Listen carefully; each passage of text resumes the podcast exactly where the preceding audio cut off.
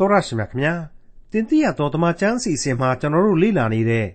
ခရိယန်တမချန်းရဲ့ဓမ္မဟောင်းကျမ်းပိုင်းတွေကရှောလမုန်တခြင်းဟာအချစ်ပွဲတပုတ်ဆိုတာကတော့ထင်ရှားနေပါတယ်ဒီထက်မကဖိုနဲ့မတို့ရဲ့အချစ်ကိုဦးစားပေးဖော်ကျူးဖွင့်ဆိုချက်တွေကပြည်ပြင်းထင်ရှားလွန်းလို့ကာမဂုဏ်အာယုံစိတ်လှုပ်ရှားမှုတွေအများကြီးပါဝင်နေတယ်ဆိုတာကိုလည်းဘယ်လို့မှမငြင်းနိုင်ပါဘူးတင်းဤရင်သားနှစ်ဖက်တို့သည်တရေတငယ်အမွှာနှင့်တူပါ၏ဆိုတဲ့ ဖွဲ့ဆိုမှုသင်ဤရင်သားတို့သည်လည်းစွန်ပလွန်သီးပြုတ်နှင့်တူကြပါ၏ဆိုတဲ့သီကုံးမှုတဖန်သင်ဤရင်သားတို့သည်စပြစ်သီးပြုတ်ကဲ့သို့၎င်းဆိုတဲ့တင်စားမှုသင်ဤနှုတ်သည်လည်းအကောင်းဆုံးသောစပြည့်ရည်ကဲ့သို့၎င်းဖြစ်၏ဆိုတဲ့ဖော်ကျူးမှုတွေပါဝင်တဲ့ရှောလမုန်တခြင်းအခန်းကြီး9ဟာခရိယန်တမန်ကျမ်းရဲ့ဓမ္မဟောင်းကျမ်းပိုင်းထဲမှာကျမ်းကြီးတဆူအဖြစ်နဲ့ဘာကြောင့်များပါဝင်နေရပါသလဲအကြောင်းရင်းကိုဖွေရှာရင် ဒီကနေ့တင်ပြရသောတမန်ကျမ်းအစီအစဉ်မှာခရိယန်တမန်ကျမ်းရဲ့ဓမ္မဟောင်းကျမ်းပိုင်းတွေကရှောလမုန်တခြင်းအခန်းကြီး9ကိုလေ့လာမှာဖြစ်ပါတယ်ရှုလမိတ်သမီးပြိုလေးရဲ့ငါချစ်ရသခင်ဆိုတာကို ရှင်းလင်းခြင်းနဲ့အတူရှောလမုန်တခြင်းအခန်းကြီး9ကိုဒေါက်တာထွန်းမြတ်ရေးကအခုလိုသုံးသပ်တင်ပြထားပါတယ်မိတ်ဆွေတော်တတ်ရှင်အပေါင်းတို့ခမညာကျွန်တော်တို့မိတ်ဆွေတို့အတွက်ဒီကနေ့ဆက်လက်လေ့လာရမှာကတော့ရှောလမုန်တည်ခြင်းအခန်းကြီး9ပဲဖြစ်ပါတယ် ဒီအပိုင်းနဲ့ပတ်သက်ပြီးတော့ရှောလမုန်တည်ခြင်းကိုဆိုဖွဲ့နေတဲ့ရှောလမုန်မင်းကြီးဟာကာမဂုဏ်အာယုံစိတ်လှုပ်ရှားမှုများစွာနဲ့ဒီကြမ်းကိုထုံမှွန်းတယ်လို့ခံယူကြပါတယ်မှန်ပါတယ်မလျှို့ဝှက်ပါဘူးမဖုံးကွယ်ပါဘူးဖိုနဲ့မတို့ရဲ့အချစ်ကိုဦးစားပေးဖော်ပြသောအပိုင်းတို့များစွာပါဝင်နေပါတယ်ကျွန်တော်ကတော့လူသားတို့ရဲ့ပူလောင်သောအချစ်တဏှာပေမနဲ့ပတ်သက်သောအတွေးအာယုံတွေပါဝင်နေတာဟာအမှန်ဖြစ်တယ်ဒါပေမဲ့လူလောကမှာ လူတို့နားလေတဲ့အမြင့်ဆုံးသောကာမဂုဏ်အာယုံဆိုတာဟာလူအဖွဲ့အစည်းကိုသမိုင်းတလျှောက်မှာအစဉ်လွှမ်းခြုံနေခဲ့တာပဲအဲ့ဒီလိုအံ့ဩဖွယ်တရှိမြဲတရှိနေတဲ့သဘာဝတရားကိုမှနှုတ်ကပတ်တော်ဟာသူ့နေရာနဲ့သူစီလျော်တယ်လို့အသုံးပြုခြင်းပဲဖြစ်တယ်ဒီဖွဲ့ဆိုချက်တွေဒီတင်စားချက်တွေအပေါင်းတို့ဟာသူပါဝင်တဲ့ကျမ်းစာတစ်စောင်ဒီကျမ်းစာအဖြစ်နဲ့ဖော်ပြထားတဲ့တည်ခြင်းတပုတ်ရဲ့အလွန်အလွန်နူးညံ့သိမ်မွေ့တဲ့အပိုင်းတွေသာဖြစ်တယ် ဒီအပိုင်းတွေကိုအလွန်လှပပြီးတော့အကျွေလွယ်တဲ့ပန်းပွင့်ကလေးများအဖြစ်ခံယူကြရမယ်လို့မြင်မိပါတယ်။ဒါကြောင့်မို့လို့ဒီတခြင်းအကြောင်းကိုဏ္ဍန်ပြိုးစဉ်ကလေးက asceticism သို့မဟုတ်ဖိုမကိစ္စဆိုတာဟာအညစ်အကြေးသာဖြစ်တယ်ဆိုတဲ့အစွန်းတစ်ဖက်နဲ့ဒီကျမ်းကိုမလေ့လာတိုက်သလို hedonism လို့ခေါ်တဲ့တဏှာရာကအဓိကစိတ်ဓာတ်များနဲ့လေလေ့လာလို့မရနိုင်ဘူး uxoriousness လို့ခေါ်တဲ့ဆန့်ကျင်ဘက်လိန်မိမကလွဲပြီးတော့ ဘာမှစိတ်မဝင်စားနိုင်တဲ့အထိဇယိုက်မျိုးနဲ့လည်းမရှုမြင်မသုံးသပ်ရဘူးဆိုတဲ့အချက်တွေးကိုကျွန်တော်ဖော်ပြပေးခဲ့ပါတယ်ဟုတ်ပါတယ်ရှောလမုန်တည်ခြင်းကြီးဟာမဟာအချစ်ပွဲကြီးဖြစ်တယ်ဖိုးနဲ့မတို့ရဲ့လောကီယသမှာအမြင့်ဆုံးသောယသခန်းစားချက်များပေါ်မှာအခြေတီးဖွဲ့ဆိုတဲ့တည်ခြင်းဖြစ်တယ်ရှေးအကြဆုံးသောဂန္ဓဝင်မြောက်ပြတ်ဆက်ကြီးတစ်ခုလည်းဖြစ်တယ်ဒီဂန္ဓဝင်မြောက်ပြတ်ဆက်ကြီးအဖြစ်ရှောလမုန်မင်းကြီးဟာရေးသားဖော်ပြခဲ့တယ် ဒီတည်ခြင်းကြီးဟာဖြင့်အကျွေလွယ်သလောက်အကဲဆက်ပြီးတော့နူးညံ့သိမ်မွေ့တဲ့ကြမ်းကြီးဖြစ်လာခဲ့တယ်ဒီကြမ်းကိုခံယူတဲ့သူဟာလေနူးညံ့သိမ်မွေ့သောနှလုံးသားများနဲ့သားလျင်တန်ရှင်းသောဝိညာဉ်တော်ကိုဆူတောင်းပြီးတော့နားဆင်ကြဖို့လိုလိမ့်မယ်ဆိုပြီးတော့ကျွန်တော်ဖော်ပြခဲ့ပြီးဖြစ်ပါတယ်အခုချိန်မှဆိုရင်ဒီရှောလမုန်တည်ခြင်းအခန်းကြီး9အငယ်1ကနေ9ကိုစတင်ပြီးတော့နားဆင်ကြကြပါစို့အိုမင်းသမီးခြေနှင်းစည်းလျက်သင်ဤခြေတို့သည်အလွန်တင့်တယ်ပါ၏ သင်ဤခစစ်တို့သည်လိမ္မာသောသူပြုပြင်သောကြောက်ကောင်းယရနာကဲ့သို့ဖြစ်ကြပါ၏သင်ဤခါသည်အယေနှင့်ပြည့်သောဖလားလုံးဖြစ်ပါ၏ဝန်းသည်လည်းနှင်းပန်းစီချေသောစပားပုံဖြစ်ပါ၏သင်ဤရင်သားနှစ်ဖက်တို့သည်တရေတငယ်အမွှာနှင့်တူကြပါ၏လေပင်သည်ဆင်ဆွဲရဲတိုက်ကဲ့သို့၎င်းမျက်စိတို့သည်ဟာရှပုံမြို့ဘာသရံပိန်တကားနာမှရှိသောရေကန်ကဲ့သို့၎င်း နှာခေါင်းသည်ဓမ္မသက်မြို့သို့မျက်နှာပြုတ်နေသောလေပနုံရဲရိုက်ကဲ့သို့၎င်းဖြစ်ပါ၏သင်ဤဥကောင်းသည်ကရမေလတောင်နှင့်တူ၍သပင်သည်လည်းညီမောင်းသောတစားဆင်ပါ၏မင်းကြီးသည်ကြစ်သောသပင်နှင့်နှောင်ဖွဲ့လျက်ရှိတော်မူ၏မိတ်ဆွေအပေါင်းတို့ကိုပိုင်ဆိုင်သောချစ်သူကိုအပြည့်အပိုင်သိမ့်ယူထားသောချစ်သူရဲ့အလှဘွဲ့ကိုအသေးစိတ်ချေမှုန်းလိုက်ခြင်းဖြစ်ပါလေလင်္ကာယသစာပေအရာမှာဆိုစရာမရှိအောင်ပြည်ပြင်းတယ် သတ္တလောကမှာအဆင့်အမြင့်ဆုံးတတ္တဝါဖြစ်တဲ့လူယောက်ျားတစ်ယောက်ကနေပြီးတော့သူ့ချစ်သူကိုရင်ခွင်မှာထားပြီးတော့ရှုကြည့်သုံးသပ်သောလျှို့ဝှက်ချက်မထားတဲ့အမြင်တွေဖြစ်တယ်အခန်းကြီး၄အစမှာတော့ကဖော်ပြထားခဲ့တာတဲ့တောင်မှပို့ပြီးတော့အသေးစိတ်ဆန်လာတယ်လို့ကျွန်တော်ခန်းစားမိပါတယ်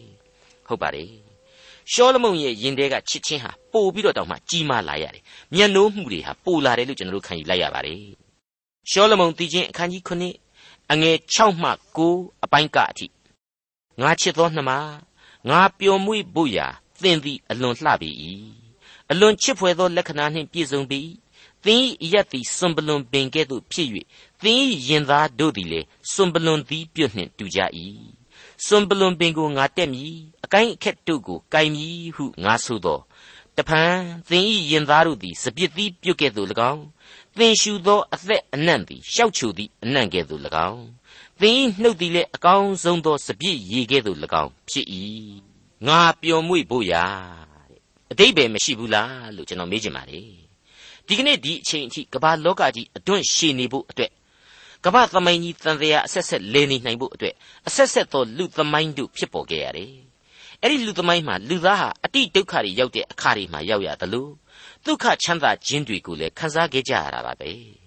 ဒါဟာကြိုက်သည်ဖြစ်စေမကြိုက်သည်ဖြစ်စေမရှောင်နိုင်တဲ့လောကရန်ရဲ့သဘောပဲဖြစ်ပါတယ်ဒါပေမဲ့အဲ့ဒီဂျားတွေကပဲသမိုင်းတစ်လျှောက်မှာအဆက်ဆက်ရှင်သန်ပြီးတော့လူသားတို့ဟာသမိုင်းကိုရေးသားသွားကြရတယ်ပေးတီးပြီးတော့ပဲအဲ့ဒီသမိုင်းထဲမှာဆက်လက်အတွန့်ရှိသွားကြရတယ်မျိုးဆက်သစ်တို့ကိုချထားပေးခဲ့ရတယ်အဲ့ဒီလောကကြီးဟာဘာကြောင့်အခုလိုအတွန့်ရှိနေပါသလဲအခုဖော်ပြခဲ့တဲ့ငါပျော်မွေ့ဖို့ရာဆိုတဲ့ကာမဂုဏ်အာယုံအပြင် အခြားသောလောကအာယုံတွေနဲ့ပဲအတွန့်ရှိခဲ့ကြတယ်လို့ကျွန်တော်တို့ရိုးရိုးကလေးပဲဆုံးဖြတ်နိုင်ကြတယ်မဟုတ်ဘူးလားမိတ်ဆွေအပေါင်းတို့အဲ့ဒီလိုငါပျော်မွေ့ဖို့ရာဆိုတဲ့အချက်ကိုစပြီးတော့တွေ့နိုင်တာဟာသင်သိရသောသမာကျမ်းရဲ့အစကလေးကဖြစ်ပါတယ်ကဘာဦးကျမ်းကလေးကဖြစ်ပါတယ်အသက်ရှင်တော်မူသောအဖဖခင်သခင်ရဲ့လူလောကကိုတိဆောက်ပေးကာစကလေးကဖြစ်ခဲ့ပါတယ်ကဘာဦးကျမ်းအခန်းကြီး2အငယ်26ကနေ28ကိုမိတ်ဆွေတို့ပြန်ပြီးတော့ကြည်ကြပါတဖန်ဖခင်သခင်က ငါတို့ပုံတရံနှင့်တညီတတရံဒီလူကိုဖန်ဆင်းကြစို့သူသည်ပင်လယ်ငါးတို့ကို၎င်းမိုးကောင်းကင်ငှက်တို့ကို၎င်းသားရင်တို့ကို၎င်းမြေတပြင်လုံးနှင့်တကွမြေပေါ်မှတွားရသောတိရစ္ဆာန်အပေါင်းတို့ကို၎င်းအုပ်ဆိုးစေဟုအမိန့်တော်ရှိ၏ထို့သောဘုရားသခင်သည်မိမိပုံတရံနှင့်အညီလူကိုဖန်ဆင်းတော်မူ၏ဘုရားသခင်၏ပုံတရံတော်နှင့်အညီလူယောက်ျားလူမိန်းမကိုဖန်ဆင်းပြီးလျင်အချင်းတို့များပြားစွာမွေးဖွားကြလော့မြေကြီးကိုပြည့်စေ၍နိုင်ကြလော့ ပင်လယ်ငါးတို့ကို၎င်းမိုးကောင်းကင်ငှက်တို့ကို၎င်းအသက်ရှင်၍မြေပေါ်မှလှုပ်ရှားတတ်သောတိရစ္ဆာန်အပေါင်းတို့ကို၎င်းအုပ်ဆိုးကြလော့ဟုမိန့်တော်မူ၍သူတို့ကိုကောင်းကြီးပေးတော်မူ၏တဲ့ရှင်းနေပါလေမိတ်ဆွေဘုရားသခင်ပေးတော်မူသောကောင်းကြီးမင်္ဂလာကိုကောင်းကြီးမင်္ဂလာအဖြစ်သာလျှင်ခံယူထားကြပါအမင်္ဂလာအဖြစ်မြင်စရာမလိုသလိုမင်္ဂလာမှသည်အမင်္ဂလာမဖြစ်သွားစေဖို့ရန်လေယုံကြည်သူလူသားတိုင်းမှာတာဝန်ရှိတယ်လို့ကျွန်တော်တင်ပြလိုက်ပါတယ် အခုရှောလမုန်တည်ခြင်းထဲမှာဆိုရင်ဇတ်ဆောင်မင်းသားဖြစ်တဲ့ရှောလမုန်ဟာသူချစ်သောရှုလမိတ်ရဲ့လှပခြင်းအမျိုးမျိုးကိုဒီကာချက်ထွင်နေပါတယ်တင်စားဖွဲ့ဆိုနေပါတယ်ဒါရီယာသူ့ယင်တဲ့ကသူခံစားရတယ်လို့ဖွဲ့ဆိုခြင်းဖြစ်ပါတယ်တစ်ချိန်တည်းမှာလူလောကကိုအပြစ်သေးခြင်းဆင်းရဲမှကဲနှုတ်ဖို့ရန်အတွက်အသက်ကိုစွန့်ဝန်တဲ့အထိချစ်သက်တိရှိသောကဲတင်ရှင်ရဲ့အသင်းတော်နဲ့ယုံကြည်သူတူးချင်းအပေါ်မှာအသေးစိတ်ထားရှိသောမေတ္တာသဘောကိုလေပြတ်သားရှင်းလင်းစွာဖော်ပြလျက်ရှိနေပါလေ ရှောလမုန်တည်ခြင်းအခန်းကြီး9အငယ်8ကိုယူပြီးတော့အငယ်30အထိဆက်လက်ဖတ်ရှုပြခြင်းပါတယ်စွန်ဘလွန်ပင်ကိုငါတက်မည်အကိုင်းအခက်တို့ကိုကိုင်မည်ဟုငါဆိုသောတဖန်သင်၏ရင်သားတို့သည်စပြစ်သီးပြုတ်ကဲ့သို့၎င်းသင်ရှူသောအသက်အနံ့သည်ရှောက်ချူသည့်အနံ့ကဲ့သို့၎င်းသင်နှုတ်သည်လည်းအကောင်းဆုံးသောစပြည့်ရည်ကဲ့သို့၎င်းဖြစ်၏ထိုစပြည့်ရည်သည်ငါချစ်ရာသခင်အဖို့ဖြောင့်စွာစီးတတ်ပါ၏ အိပ်ပျော်သောသူတို့၏နှုတ်ခမ်းသို့အမှတ်တမဲ့ရောက်တတ်ပါ၏ငါချစ်ရာသခင်သည်ငါကိုဆိုင်တော်မူ၏ငါအလိုသို့လည်းလိုက်တော်မူတတ်၏မိတ်ဆွေအပေါင်းတို့ခမညာရှုလမိတ်သမီးပြူလေးရဲ့ရှုရှိုက်သောအသက်အနှံ့ဟာရှောက်ချူသီးရဲ့အနှံ့နဲ့တူတယ်တဲ့အဲ့ဒီအချက်ဟာပြီးခဲ့တဲ့အခန်းကြီး1မှာကယ်တင်ရှင်ဟာရှောက်ချူပင်နဲ့တူတယ်ဆိုတဲ့အချက်နဲ့ဆက်ဆက်ပေါ်လွင်နေပါတယ်ဟုတ်ပါတယ်အဲ့ဒီအပိုင်းမှာပြန်ကြည့်လိုက်ရင် တောပင်စုထဲမှာရှောက်ချူပင်ကဲ့သို့ငါချစ်ရသခင်သည် လူမျိုးသားစုထဲမှာဖြစ်တော်မူ၏ငါသည်သူ၏အရေးဝယ်ပျော်မွေ့နေထိုင်၍မြိန်စွာသောအသီးကိုစားရ၏လို့တင်စားဆိုဖွဲ့ထားပါတယ်ဒီတော့ကယ်တင်ရှင်ရဲ့အရေးမှာခိုးလှုံတယ်ကယ်တင်ရှင်ကိုသာမှီဝဲစည်းကပ်တယ်ဒါကြောင့်မလို့ရှုလမိတ်သမီးရဲ့အာကရွင်းကနေပြီးတော့ရှောက်ချိုသီးရဲ့ယနံ့ဟာရှုရှိုက်လာရခြင်းဖြစ်တယ် သူ့ရဲ့အသက်အနံ့ဟာရှောက်ချိုသီးအနံ့နဲ့တူနေတယ်ဆိုတာဟာအလွန်တဘာဝကြနေတယ်ဆက်ဆက်နေတယ်ဆိုတာကိုရှင်းလင်းပြသစွာတွေ့နိုင်ပါ रे သင်ဤနှုတ်သည်စပြည့်ရည်အကောင်းဆုံးဖြစ်တယ်ဒီစပြည့်ရည်ဟာသခင်အတွက်လည်းအကောင်းဆုံးဖြစ်တယ်ဆိုတာကိုဆက်ပြီးတွေ့ရပါတယ်ဒါဟာလေငါသည်မှန်သောစပြည့်နွယ်ပင်ဖြစ်သည်ငါကိုယုံကြည်သောသူဟာလေငါ၌များစွာသောအသီးကိုတီးလိမ့်မည်ဆိုတဲ့ကဲတင်ရှင်ရဲ့ဂရိတော်ပြည့်စုံခြင်းပဲလို့ကျွန်တော်ဆိုချင်ပါတယ် မိတ်ဆွေအပေါင်းတို့အခုလိုရှောက်ချူသီးများသီးတဲ့ရှောက်ချူပင်ကိုမှီဝဲစည်းကပ်တာစပြည့်နွယ်ပင်ကဲ့သို့သခင်၌တည်ရှိဖို့ဆုံးမထားတာဒီဟာယုတ်ခဗေဒပညာကိုသင်ပေးနေတာမဟုတ်ဖ ೇನೆ အလွန်အလွန်အရေးကြီးတဲ့ဝိညာဉ်ရေးသဘောတရားများကိုသာဖော်ပြနေတာဖြစ်ပါတယ်ဟုတ်ပါတယ်အခုကျွန်တော်တို့ယုံကြည်သူများနဲ့တိဆောက်ထားတဲ့အသင်းတော်ဟာခရစ်တော်၌အစဉ်သဖြင့်တည်နေဖို့ အစဉ်သဖြင့်သခင်နှင့်အသက်ရှင်ဖို့မေတ္တာတရားထွန်းကားစေဖို့ဆိုတဲ့အချက်တွေးကိုဖော်ပြပေးနေတာသာဖြစ်ပါတယ်ရှင်ယောဟန်ခရစ်ဝင်ကျမ်းအခန်းကြီး15အငယ်8ကနေ14အတွင်းမှာမိတ်ဆွေတို့ပြန်ပြီးတော့ကြည်စေခြင်းပါတယ်သင်တို့သည်များစွာသောအသီးကိုသီးသောအဖြစ်ငါခမည်းတော်သည်ဘုံထင်ရှားတော်မူ၍သင်တို့သည်လည်းငါ၏တပည့်မှန်ကြလိမ့်မည်ခမည်းတော်သည်ငါကိုချစ်တော်မူတဲ့ကဲ့သို့ငါသည်သင်တို့ကိုချစ်ငါ၏ချစ်ချင်းမေတ္တာ၌တည်နေကြလော့ ငါသည်ခမည်းတော်၏ပြည့်ညတ်တို့ကိုစောင့်ရှောက်၍ခမည်းတော်၏မေတ္တာ၌တည်နေတကယ်သို့သင်တို့သည်ငါပြည့်ညတ်တို့ကိုစောင့်ရှောက်လျင်ငါမေတ္တာ၌တည်နေကြလိမ့်မည်သင်တို့၌ငါဝမ်းမြောက်စရာအကြောင်းတည်စေခြင်းဟာ၎င်းသင်တို့ဝမ်းမြောက်စရာအကြောင်းစုံလင်စေခြင်းဟာ၎င်းဤစကားကိုသင်တို့အားငါဟောပြော၏ငါပညာဟုမူကားငါသည်သင်တို့ကိုချစ်သည်နိတုသင်တို့သည်အချင်းချင်းချစ်ကြလော့ ကိုအဆွေတို့အဖို့အလို့ငှာကိုအသက်ကိုစွန့်ခြင်းမေတ္တာတဲ့သာ၍မြတ်သောမေတ္တာသည်အဘယ်သူ၌မျှမရှိသင်တို့သည်ငါပြည့်ညတ်သမျှတို့ကိုကျင့်ဆောင်လျင်ငါဤအဆွေဖြစ်ကြ၏အဲ့ဒီလိုဖော်ပြထားတာကိုတွေ့နိုင်ပါ रे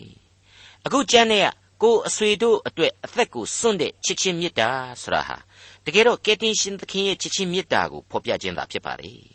ဒီတဲ့မြတ်တဲ့မေတ္တာတော်ကို ဘယ်လူသားစီမှမှမတွေ့နိုင်ဘူးဆိုတာကိုပြက်ပြက်သားသားဖော်ပြပေးထားပါလေငါချစ်ရသခင်သည်ငါကိုဆိုင်တော်မူ၏ငါသည်လည်းသခင်ကိုဆိုင်ပေ၏လို့ကျွန်တော်အထက်ထက်ကြားခဲ့ရပြီးတဲ့နောက်အခုအချိန်မှတော့ဒီဝက်ကြဟာပြောင်းလဲသွားပါတယ်ငါသည်လည်းသခင်ကိုဆိုင်ပေ၏လို့မဆိုတော့ပါဘူးငါချစ်ရသခင်သည်ငါကိုဆိုင်တော်မူ၏ငါအလိုသို့လဲလိုက်တော်မူတတ်၏တဲ့ အဲ့ဒီလိုဖော်ပြထားတဲ့သခင်ဤဘက်ကသာလျှင်တစ်ဖက်သက်တည်ရှိသောမေတ္တာသဘောအဖြစ်ပြုပြင်ပြောင်းလဲသွားပါတယ်ပြောင်းလဲတင်စားဖော်ပြထားလိုက်ပါတယ်အင်္ဂလိပ်ကျမ်းဖော်ပြချက်အရဆိုရင်ပို့ပြီးတော့တောင်းမှဒီသဘောတဲ့ပြင်းထန်လေးနဲ့သေးတယ်လို့ကျွန်တော်ဆိုချင်ပါတယ် and his desire is toward me ဆိုပြီးတော့ဖော်ပြထားခြင်းဖြစ်ပါတယ်သူ့ရဲ့ဆန္ဒသဘောထားတွေဟာငါစီမှာပဲရှေ့ရှုနေတယ်ဆိုတဲ့အချက်ဖြစ်ပါတယ်ဟုတ်ပါတယ်မိတ်ဆွေဓမ္မပညာရှင်ကြီး အေမူဒီစတူဝတ်ဆိုတဲ့ပုဂ္ဂိုလ်ကြီးကနေပြီးတော့လူတ attva တို့ဟာလောကီကိစ္စတွေထဲမှာပဲနစ်မြုပ်နေတယ်ကို့အရေးကိုသာကို့အဓိကထားနေကြတယ်ဒါကြောင့်မလို့ကယ်တင်ရှင်သခင်ခရစ်တော်ရဲ့မေတ္တာတော်ကိုမေ့ပြီးတော့နေတတ်ကြတယ်အမှန်တော့ကယ်တင်ရှင်ဟာသူ့ကိုယုံကြည်ကိုးကွယ်သူတယောက်စီတို့အတွက်ကောင်းမြတ်သောအလိုတော်များနှင့်သာလျှင်အစဉ်ကြည့်ရှုနေတော်မူတယ်အကဲခတ်နေတော်မူတယ်ဒါကိုယုံကြည်သူဟာအလေးနဲ့ယုံကြည်ပြီးတော့ဂျေဇုနဲ့ဂရုနာတော် ဘုန်းတော်နဲ့နာမတော်ကိုအစဉ်ချီးမွမ်းသင်လာတယ်ဆိုတာကိုဖော်ပြပေးလိုက်ပါတယ်ဒါအေမူဒီစတူဝတ်ဆိုတဲ့ပုဂ္ဂိုလ်ကြီးကဖော်ပြထားတဲ့အချက်ဖြစ်ပါတယ်ရှောလမုန်တည်ခြင်းအခန်းကြီး9အငယ်7ကိုဆက်လက်နားဆင်ကြည့်ကြပါအောင်စို့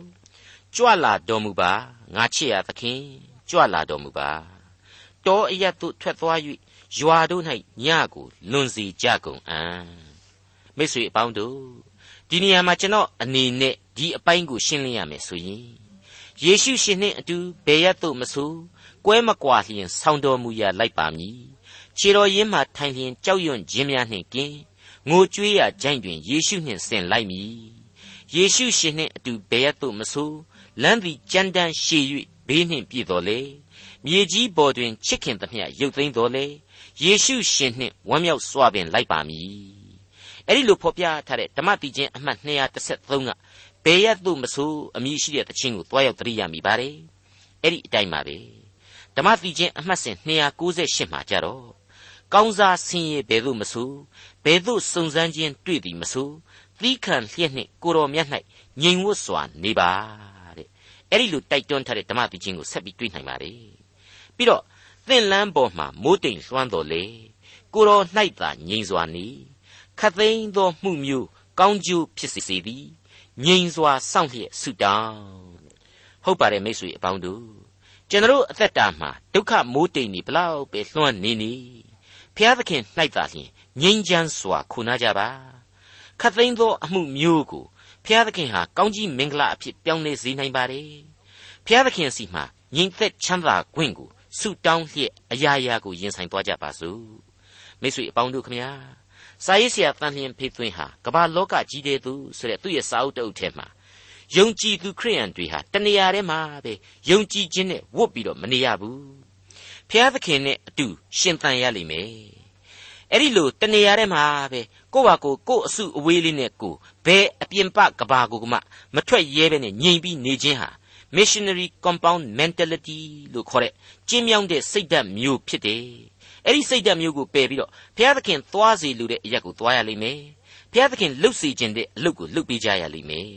အထူးဖြင့်ဘုရားသခင်ရဲ့ကျေးဇူးတော်ဖြစ်တဲ့ညီသက်ခြင်းနဲ့ချစ်ချင်းမေတ္တာကိုလူသားတွေကိုဝေမျှကြရလိမ့်မယ်ဆိုတာကိုအထူးပြုပြီးတော့ဖော်ပြထားခဲ့ပါတယ်ဟုတ်ပါတယ်ကျွန်တော်တို့မိษွေတို့ယုံကြည်သူတို့ရဲ့အသက်တာတွေအသီးသီးဟာခရီးသည်တို့ရဲ့အသက်တာဖြစ်တယ်အရေးကြီးတာကတော့အစဉ်သဖြင့်သခင်နှင့် အတူလက်တွဲတည်ရှိသည်ဆိုတဲ့ဆောင်ပုတ်အတိုင်းနေထိုင်ခြင်းပဲလို့ဆိုလိုက်ပါစီမိတ်ဆွေအပေါင်းတို့ဘဝအသက်တာဆိုတာဟာဘယ်တော့မှမပြောင်းမလဲပဲငြိမ်နေတယ်ဆိုတာမရှိပါဘူးတဖြောင့်တည်းသွားနေရယူလည်းမရှိပါဘူးဒါတွေကိုကျွန်တော်ကပြောတော့ဒေသနာကျမ်းရဲ့အနတ္တသဘောအတိုင်းစဉ်းစားလိုက်ရင်အဖြေဟာရှင်းနေတယ်လို့ကျွန်တော်ထင်မိပါတယ်ရေစည်းတခါရေသာတလှဲဆိုတဲ့သဘောသင်္ငုံမြင့်တုံမြင့်မြင့်တုံဆိုတဲ့သဘောတရားအတိုင်းပဲလို့ဆိုခြင်းပါတယ်အဲ့ဒါတွေဟာအမှန်တော့ ယုံကြည်သူတို့အဖို့ဘုရားသခင်အလိုတော်အတိုင်းကြီးပဲလို့ဆိုခြင်းပါတယ်တခါတည်းမှာလဲဘုရားသခင်အလိုတော်ဆိုတဲ့ကိုယ်အတွေးတွေကြားတဲ့ကပဲအချောင်ဝင်မှွေတဲ့စာရန်လက်ချက်တွေလဲပါဝင်ကောင်းပါဝင်မှအသေးချပါပဲဘာဖြစ်လို့ဒီလိုပြောရတယ်လဲဆိုတော့ကိုဟာစကြဲကဇာတိပဂရိအပြစ်လူသားဖြစ်နေတယ်လीပြီးတော့ကိုယ်အုံနောက်ကိုယ်အတွေးအခေါ်ကိုယ်ခံစားချက်ဆိုတဲ့ကိုယ်နဲ့ဆိုင်တဲ့ကိုယ်ပိုင်မူကလေးတွေကိုလေကျွန်တော်တို့ဟာရှေ့တန်းကိုတင်တတ်ကြတယ်မဟုတ်ဘူးလား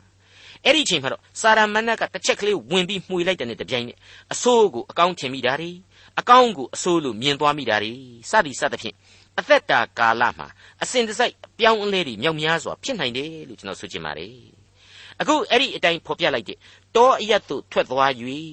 ရွာတို့၌ညကိုလွန်စီကြကုန်အံ့ဆိုတာကြတော့စိုးရင်စရာမရှိတော့တဲ့တောအရက်ကိုထွက်သွားပြီးတော့ရွာတွေမှာညအချိန်ကိုလွန်စီခြင်းပဲ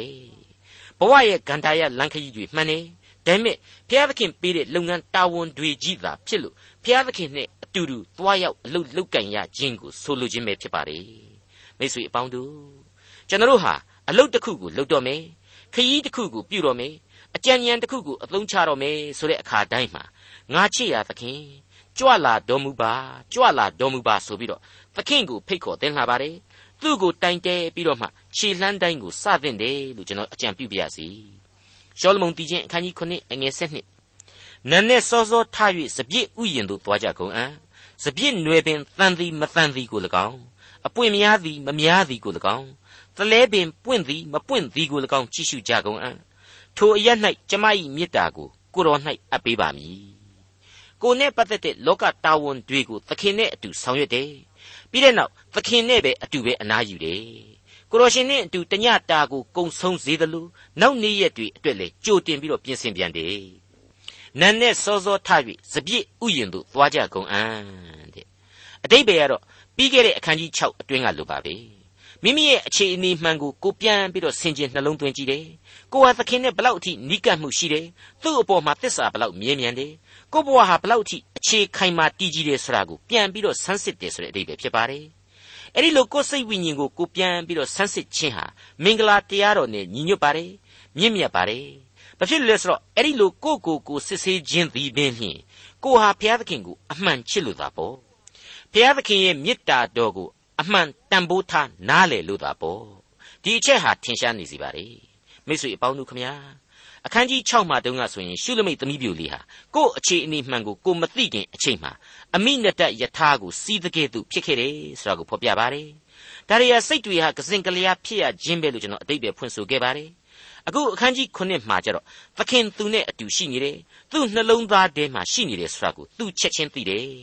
အကျွင့်မဲ့ခံစားရပြီဖြစ်တယ်ဒါကြောင့်မလို့ထိုအရ၌ပင်ကျမ၏မေတ္တာကိုကိုတော်၌အပ်ပေးပါမည်ဆိုပြီးတော့အချိန်အရှင်းမဆိုင်တော့ဘူး ချက်ချင်းလက်ငင်းဆိုလို့ချက်ချင်းမေတ္တာတော့ကိုတုံ့ပြန်ပေးလိုက်တယ်လို့ဖော်ပြလိုက်ပါတယ်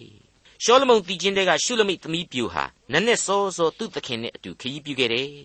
ကိုကိုကိုဆန်းစစ်ပြီးတော့သခင်အပေါ်မှာမေတ္တာကိုအနှင်းတယ်ဆိုတော့ဆာလံဆရာဒါဝိဒ်မင်းကြီးကနေပြီးတော့နန်းနဲ့စောစောကျေးဇူးတော်ကိုချီးမွမ်းထားတဲ့58ခုမြောက်သောဆာလံကိုဖြတ်ခနဲ့အောက်မေ့စရာကောင်းလာပါလေ။အိုဖျားသခင်အကျွန်ုပ်နှလုံးသည်တည်ကြည်ပါ၏အကျွန်ုပ်နှလုံးသည်တည်ကြည်ပါ၏ တည်ခြင်းဆိုပါမည်ချီးမွမ်းထောမနာပြုပါမည်။အိုငါဝိညာဉ်နိုးလော့တယောနှင့်စောင်းတို့နိုးကြလော့တဲ့ဟုတ်ပါတယ်မိတ်ဆွေ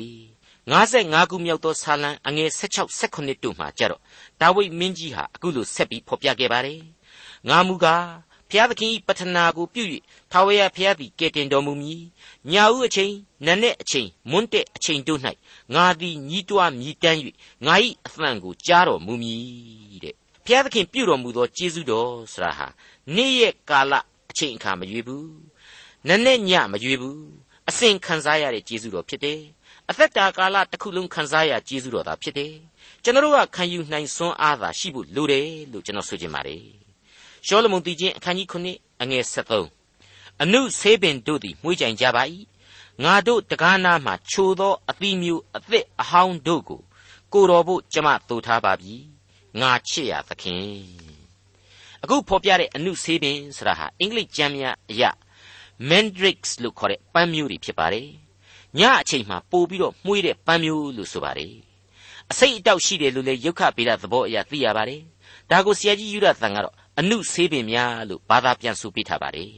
တနည်းအားဖြင့်ဆိုရရင်တော့ငါဝိညာဉ်ချစ်သောသခင်နှင့်အတူနတ်နဲ့မှပြီးညဥ်ရံတို့တဖန်ပြန်ရောက်လာတယ် ညမွေးပန်းတို့ရဲ့ယနံ့ကိုတဖန်ပြန်ပြီးတော့ငါရတယ်လို့ဆိုလိုက်ခြင်းဖြစ်ပါတယ်အခုချိန်မှဆိုရင်သခင်ဘယ်ကူမှမသွားပါနဲ့တော့သခင်အတွက်ချုံမြိန်သောအသီးများကိုကျွန်မသိမ့်စီထားပါတယ်အသီးတွေဟာလည်းအသစ်သောအသီးတွေကြီးပဲမဟုတ်ဘူးအဟောင်းသောအသီးတွေအမျိုးမျိုးပါဝင်ပါတယ်ဆိုတာကိုဆက်လက်ဖော်ပြပေးလိုက်ပါတယ်မိတ်ဆွေအခုရှုလမိတ်သမီးပြူပြောတဲ့အချက်တွေဟာကြပြလင်္ကာအတွက်လှပယုံမျှတာအားဖြည့်ဖော်ပြတာဖြစ်တယ် ဝိညာဉ်ရေးအတိတ်ပဲသိပ်ပြီးမရှိလှဘူးလို့တချို့တချို့သောသူတည်တည်တွေကခံယူကြပါတယ်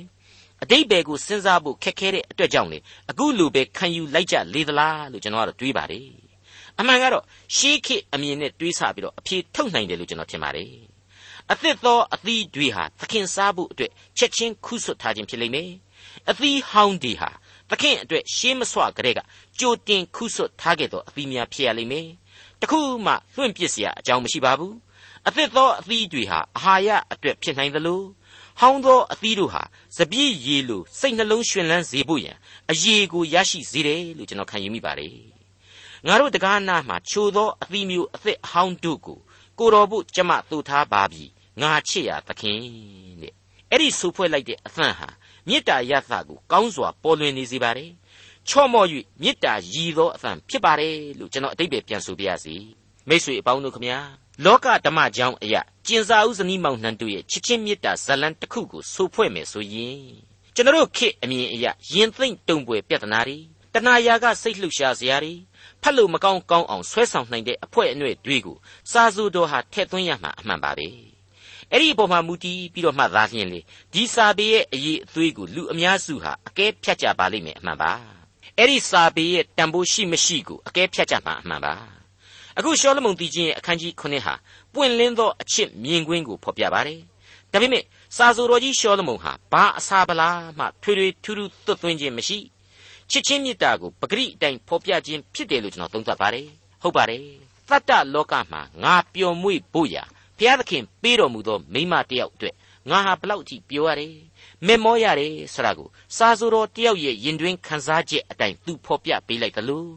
သူချစ်သောချစ်သူမိန်းကလေးဟာလေသူ့အပေါ်မှာဘလောက်အထိပြန်လဲပြီးတော့မေတ္တာတုံ့ပြန်ခြင်းရှိတယ်ဆိုတာကိုအကောင်းဆုံးတင်ပြပေးလိုက်ခြင်းပဲဖြစ်ပါတယ်ဒါရီယာတတ္တလောကရဲ့အဆင့်အမြင့်ဆုံးလူဆိုသောတတ္တဝါဖိုနဲ့မတို့စီမှာတွေ့မြင်ရတဲ့ဘုရားသခင်ပေးလိုက်သောလောကီသရုပ်တစ်ခုသာလျှင်ဖြစ်ပါတယ်။ဒါပေမဲ့အဲ့ဒီမေတ္တာပွဲဟာအဆင့်အမြင့်ဆုံးဆိုတဲ့လူသားရဲ့ဓမ္မတစ်ဆင့်ကယ်တင်ရှင်သခင်ခရစ်တော်နဲ့အသင်းတော်တို့ရဲ့ချစ်ချင်းမေတ္တာအကြောင်းကို စင်ကြင်နှလုံးသွင်းဖို့ရန်အကောင်းဆုံးသောမေတ္တာပွဲကြီးတစ်ခုဖြစ်လာခဲ့တယ်လို့ကျွန်တော်သတ်မှတ်ချင်ပါတယ်မှန်ပါတယ်ကာမဘုံလို့ခေါ်ပေါ်တဲ့တတ္တဝါတို့ရဲ့လောကမှာလူဆိုတဲ့တတ္တဝါတစ်မျိုးတည်းသားလျင်အသက်ဝိညာဉ်ရှိတယ်ထာဝရအသက်ဆိုတာကိုမျှော်လင့်တန်တနိုင်ခွင့်ဖွေရှာနိုင်ခွင့်နဲ့နားလည်နိုင်ခွင့်ရှိပါတယ်အဟိတ်တိရစ္ဆာန်လောကနဲ့မတူအလေးကျမဟုတ်တဲ့ချစ်ချင်းမေတ္တာအားဖြင့်ကာမဘုံကိုတိဆောက်ရတဲ့အံ့ပွေသောလူတ attva ဖြစ်ပါတယ် အရွေးအခြေခံတိုက်သောသီးသန့်လူသားများလို့လည်းကျွန်တော်သတ်မှတ်ချင်ပါတယ်ဒါကြောင့်မို့လို့လေလူသားတို့ရဲ့ချစ်ချင်းမေတ္တာတရားဆိုတာဟာဖန်ဆင်းရှင်နဲ့လူသားတို့ကြားကချစ်ချင်းမေတ္တာကိုအလွယ်အကူဆုံးပုံဆောင်ဖော်ပြနိုင်ခြင်းဖြစ်တယ်လို့ကျွန်တော်ဆိုချင်ပါတယ်ဒါဟာပြည့်စုံလုံလောက်ခြင်းစံမှီခြင်းရှိမှာမဟုတ်ပေမေဘုရားသခင်ရဲ့ကျေးဇူးနဲ့ဂရုဏာတော်အဖြစ်ခံစားရသောဝိညာဉ်ခွန်အားပဲလို့ကျွန်တော်လေးနဲ့စွာခံယူမိပါတယ် ဒေါက်တာထွန်းမြတ်ရေးစီစဉ်တင်ဆက်တဲ့တင်ပြရတော်တမချန်းအစီအစဉ်ဖြစ်ပါတယ်နောက်တစ်ချိန်အစီအစဉ်မှာခရိယန်တမချန်းရဲ့ဓမ္မဟောင်းကျမ်းိုင်းတွေကရှောလမုန်သခင်ရဲ့နောက်ဆုံးအခန်းကြီးဖြစ်တဲ့အခန်းကြီး၈ကိုလေ့လာမှဖြစ်တဲ့အတွက်စောင့်မျှော်နားဆင်နိုင်ပါတယ်။